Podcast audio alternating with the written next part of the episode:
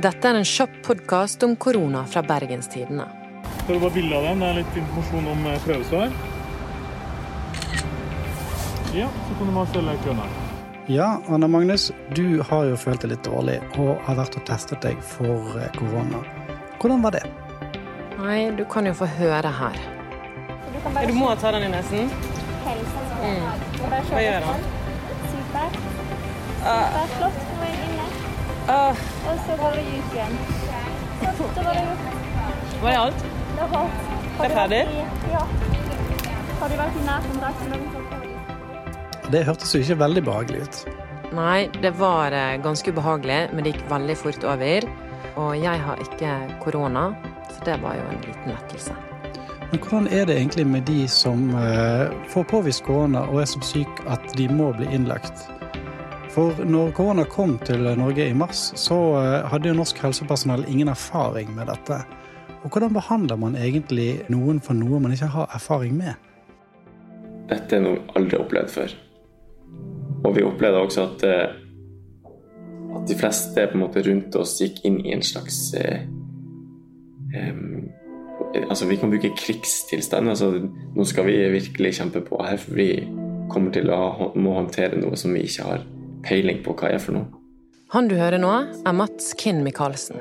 Han er intensivsykepleier på intensivavdelingen på Haraldsplass diakonale sykehus. Og den følelsen måte vi hadde der og da, var at eh, Jeg husker vi satt på, på måte, kontoret og hadde fått beskjed om at vi skulle bestille inn utstyr til å kunne ha for tre måneders forbruk fram i tid. Vi måtte planlegge for så mye som vi i min tid her i hvert fall ikke har måte, tenkt på før.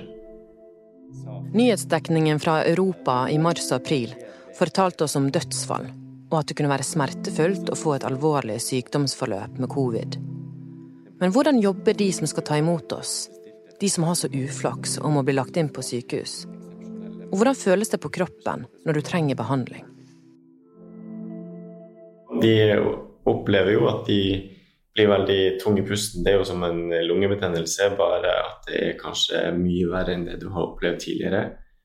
Og at eh, de, de får kanskje den følelsen at de får ikke nok luft. Eh, De får, eh, Uansett hvor godt de puster, så føler de at de får ikke den luften de skal ha. Mats Kinn Michaelsen har tatt imot og behandlet mange av de covid-syke pasientene i Bergen. Mats tar oss med inn i et behandlingsrom som han bruker til alvorlig syke pasienter. Her er det en seng, en skjerm på veggen som forteller om hjertefrekvens, blodtrykk og oksygentiltak. Og masse medisinsk utstyr er festet til sengen eller på veggen. De pasientene som kommer til oss og har eh, tungt for å puste, de sitter jo klassisk i seng når de kommer opp fra akuttmottak, og gjerne med litt oksygen på nesen og eh, denne slangen som står i neseborene. Og så har de kanskje fått på seg et munnbind for å verne resten av sykehuset idet de fraktes opp.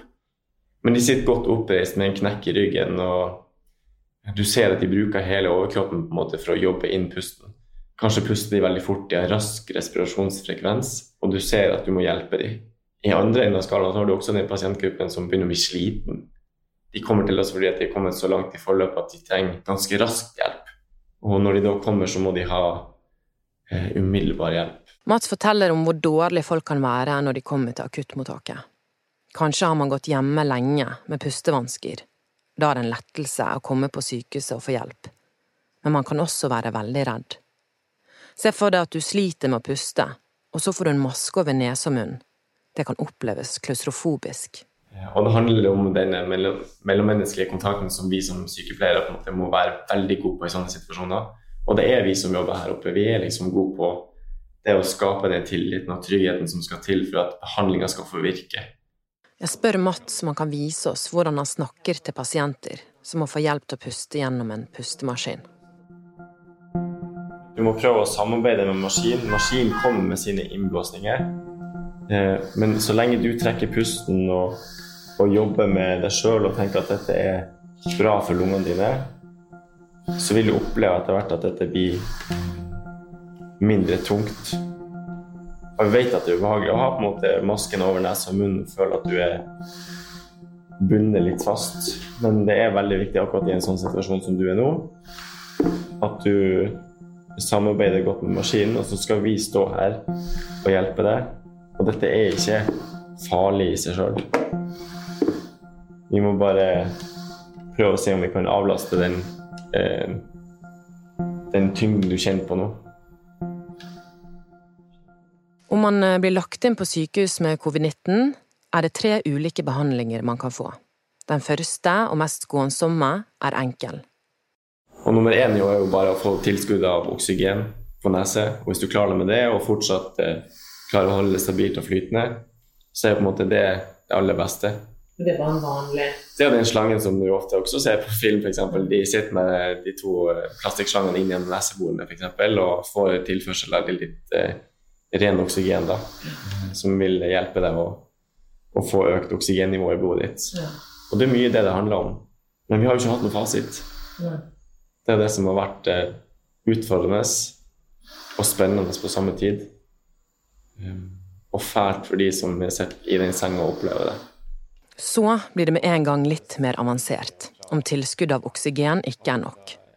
Den andre er en intensivbehandling. Det er en pustemaskin som du kan høre i bakgrunnen. Det er en stor maske som dekker hele munnen og nesen din. Og en pumpe som skal hjelpe lungene å ta inn oksygen. Masken er på en måte en sånn silikonmaske som du bare får lagt over nesen. Munnen helt myk og fin, og det, eh, det vil jo bli helt tett rundt nesen og munnen din. Um, og maskinen vil jo gi innblåsninger med luft, sånn at du, du får den luftmengden du trenger, og maskinen, du kan dra inn pusten din sjøl, og maskinen vil bare støtte deg og hjelpe deg. Og det er litt det som er viktig å forklare. på en måte. Du kan puste fritt, du kan puste som vanlig. Dette er bare en maske som vil hjelpe deg å, å skyve luft inn i lungene dine for å blåse opp, i tillegg til at den tilfører oksygen, sånn at du um, slipper å bruke så mye kraft på å få dratt inn alt sjøl. Det som du kanskje har syntes har vært tungt og vanskelig nå de kanskje de siste timene eller siste døgnet. Eller. Det er jo mye bråk, og hvis vi slår på, så vil du på en måte høre at det er jo eh, Han starter jo opp, og det vil jo være mye, mye lyd. Det å være pasient og bli lagt på en, en sånn her type maske, så vil det jo suse godt rundt ørene dine.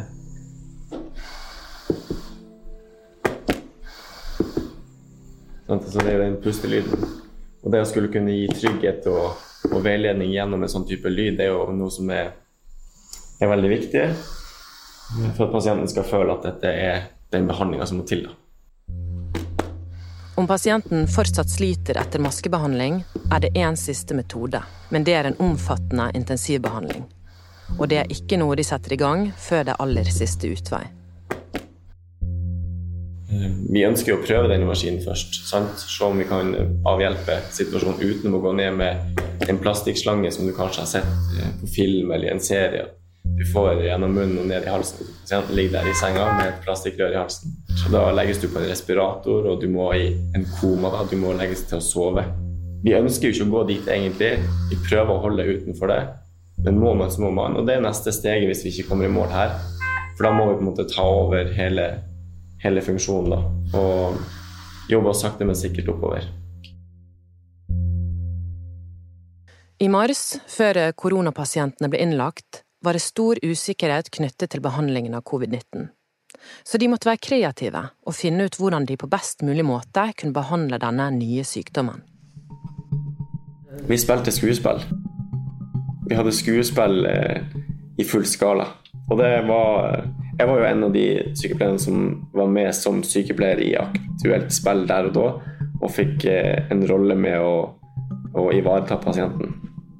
Det som var veldig artig, det var jo at eh, jeg var også på jobb den dagen det skjedde. Vi fikk den første pasienten som skulle transporteres inn dit. Og vi skulle ta det her i bruk. Så vi gikk på jobb, og den ventinga på en måte inntil den dagen vi først fikk meldt pasienten, eh, da var det liksom eh, Det er lov å si det, men da var det liksom Endelig skjer det.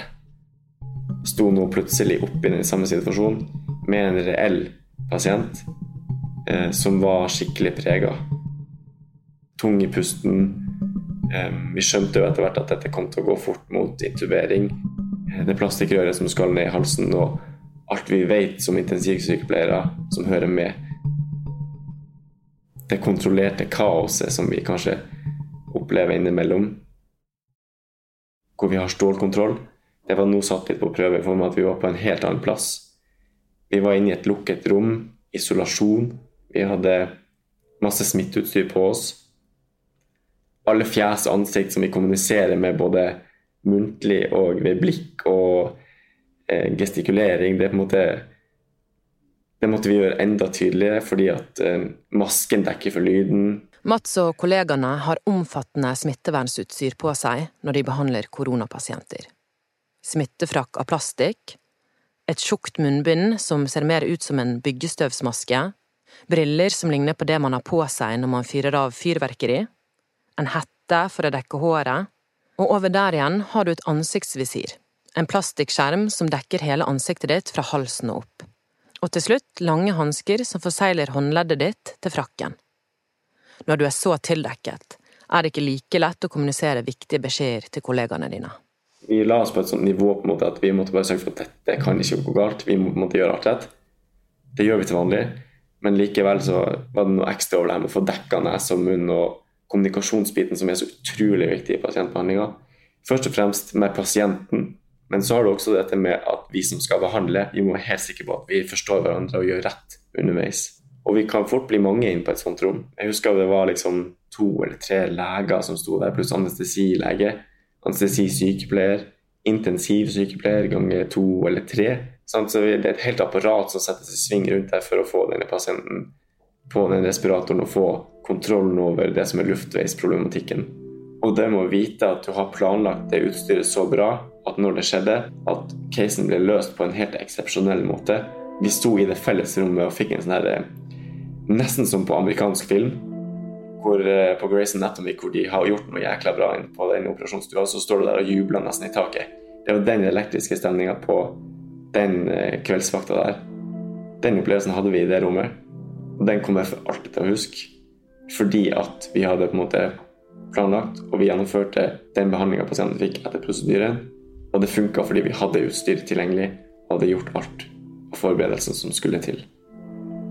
Hadde vi ikke gjort de forberedelsene som vi trengte der og da, så hadde det vært livskritisk for pasienten. En viktig del av pasientbehandling er oppfølging av pårørende, forteller Mats. Men i en pandemi ble dette vanskelig. Når landet vårt var i lockdown, fikk ingen utenom pasienter og helsepersonell komme inn på sykehuset. Dette var en skinkig oppgave for Mats. Det er jo på en måte vårt blikk pasienten på en måte kan ikke gi uttrykk for det sjøl, så vi må fortelle det til pårørende. Du får den følelsen at de på en måte skjønner alvoret. De har gjerne lyst til å være der og komme inn til pasienten. Kunne fortelle at eh, ja, nå er jeg her, og vi følger med og passer på det. Det er jo den jobben på en måte som intensivsykepleier. Man skal ivareta det menneskelige behovet der òg. Dette på en måte med å, å ta på og være i nærheten av, men som også blir veldig begrensa fordi du står med plastikkhansker på du får ikke den hudkontakten. Du prøver liksom å ikke være for nær pasienten. Eh, og det hadde liksom gjort det mye lettere om pårørende kunne være der da for å ha en kjent stemme, om ikke annet. Mats og kollegaene vet det er viktig for både pasienter og pårørende å være nære hverandre i en så alvorlig situasjon. Det er ikke nødvendigvis bare kroppen som sliter, men følelser og tanker kan være mørke når man er syk. De ordner slik at pasienter som trenger det, får ett besøk av en pårørende. Jeg husker godt når eh, denne pårørende kom inn i rommet første gangen. da. Eh, og så pasienten sjøl. Bare hadde liksom det bildet som var danna i hodet. Og så var det nesten litt sånn som den personen hadde sett for seg, faktisk. At det opplevdes mye sterkere og mye verre da var jeg liksom ikke i tvil om at det var veldig viktig det vi hadde gjort i telefonen, det å forklare og fortelle hvordan ting så ut. Men det er dette med å kunne ta på og kjenne på og vite at pasienten er der fortsatt. For det ser ganske skremmende ut? Det ser jo veldig brutalt ut. Eh, du ligger med kanskje gjenlukte øyne med et, eh, en plastikktube gjennom, eh, inn gjennom munnen din. Masse slanger og utstyr som er koblet til armer og, og bein. Så maskiner som lager lyd seng som bråker, skjerm som viser masse forskjellige tall, som du ikke klarer å sortere ut, som du trenger hjelp til å på en måte få fortalt hva som er farlig, og hva som er på en måte betydningen bak. da. Smittetallene i Bergen synker, men korona er fortsatt en stor del av hverdagen til Mats. I dag føler de at de har kontroll og er mer rustet enn noen gang for korona og pandemiutbrudd. Men um, hvor lenge skal vi holde på med det? Det er jo kanskje det som er det store spørsmålet. Og veldig mange hos oss, inkludert meg sjøl, kjente jo på et tidspunkt at nå er vi litt lei. Og det er kanskje det mange kjenner på i samfunnet òg. Men vi må, ikke, vi må på en måte ikke slippe opp ennå. Vi må på en måte huske at det er mange sårbare grupper i samfunnet. Du får kanskje ikke det innblikket de, hos de pasientene som er dårligst, da. Men jeg skulle så inderlig ønske at jeg kunne ta, eh, ta folk med inn hos de pasientene og vise på en måte hva det handler om. Sånn at folk hadde fått en forståelse for hvor alvorlig det kan bli hvis ikke vi er flinke å opprettholde den um, det gode smittevernfokuset som, som vi har hatt til nå. da. Følg med på BT sin løpende koronadekning på bt.no. Mitt navn er Anna Magnus, og produsent var Henrik Svanevik. Lurer du på noe, send meg en e-post på anna.magnus.bt.no.